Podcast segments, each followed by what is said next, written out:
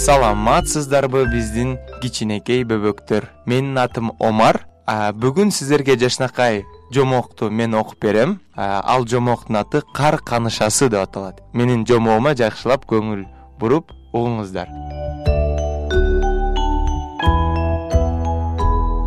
илгери илгери каардуу сыйкырчы жашаган экен. Бир жолу ал муздан баардык сонун жана кооз нерселерди түрү суук кылып көрсөтүүчү күзгү жасайт. Бир учурда ал күзгү менен асманга көтөрүлгөндө күзгүсү колунан жылмышып кетип жерге түшөт да көптөгөн майда сыныктарга бычыраланат эгерде мындай сыныктар көзгө кирсе адам баардык нерселерди бузулган түрдө көрүп ал эми жүрөккө тийсе анда ошол замат музга айланчу экен бир шаарда эки бала жашачу. Баланын аты кай ал эми кыздыкы герда. Алар бири бирин туугандардай жакшы көрүшүп дайыма чогуу ойношчу экен. Кай бир жолу герданыкына конокко келет кырсыкка кабылат ай! деп кыйкырды бала. Менин жүрөгүмө сайгылашып көзүмө бирдеме кирип кетти байкуш эми анын жүрөгү музга айланып калмак. Анын көзү эми жалаң гана жаманды көрө баштады тфу! Сенин түрүң суук экен деп кай гердага айтты да үйүнөн чуркап кетти а кыз болсо көз жашын көлдөтүп ыйлап калды. Караңгы кечте кай терезенин алдында отурган. Ал кар канышасын көргүсү келет. Чоң энесинин айтуусу боюнча кар канышасы көчөлөрдү аралап учуп терезеден карайт. Ошондуктан алар кооз чиймелери менен капталган деп уккан. Сыртта кар себелеп турган.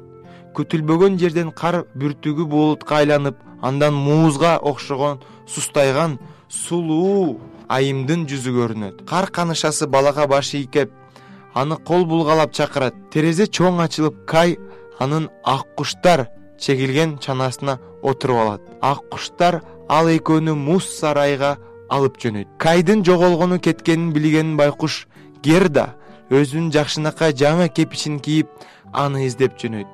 Кыз аны кайсы жактан издөөнү билбейт. Ал кар жабылган токойлордон талаалардан өттү. Бирок кайды эч жерден таппады анын байкуш буттары абдан чарчады. Бир жолу токойдон гердага каракчылар кол салат. Алар аны өзүлөрүнүн башчысына алып келишет. Герда каракчылардын чачын чач сайгычынын ордуна адамдын сөөгүн сайылып турганын көрүп абдан абдан абдан коркуп кетет. Бирок каракчы кемпир герданын тагдырын чече электе анын өз кызы апасынын кулагын тиштеп алып чаңырат. Бул кыз меники болот ал мага татынакай көйнөгүн берет. Ошентип герданы кичинекей каракчы кызга беришет. Айтчы мага деп кичинекей каракчы кыз буйрук берди. Сен эмне үчүн жер жүзүн кыдырып жүрөсүң деп сурады. Герда болгон окуяны айтып баштайт. Аны каракчылардын башчысынын кызынын үйүндө жашаган токой көгүчкөндөрү да угат.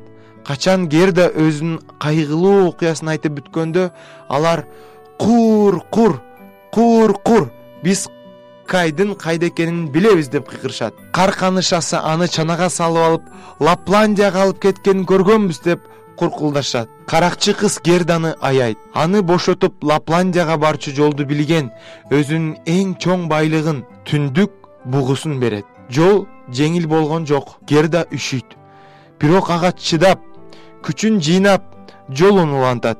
Аңгыча кар канышасынын муз сарайы да көрүндү. Герда сарайга кирди бул жерде муздак жана ыңгайсыз эле. Кай! деп чакырды кыз жооп берчи деп кыйкырат улам улам.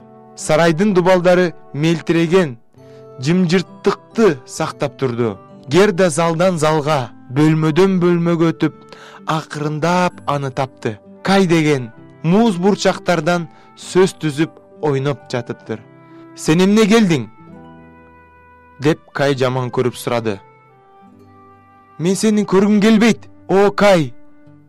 Боздоп ыйлап жиберди герда. Мен сени аябай көпкө издедим. Герданын ысык көз жашы кайдын көкүрөгүнө таап жүрөгүнө сиңип муз сыныктарын эритип жиберди.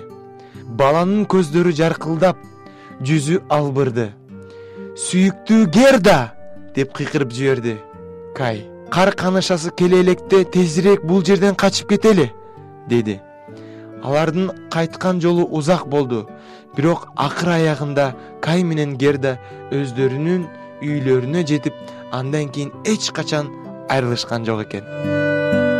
Ушундай жакшынакай жомокту окуп берген мен омар силерге узун өмүр чын ден соолук каалайм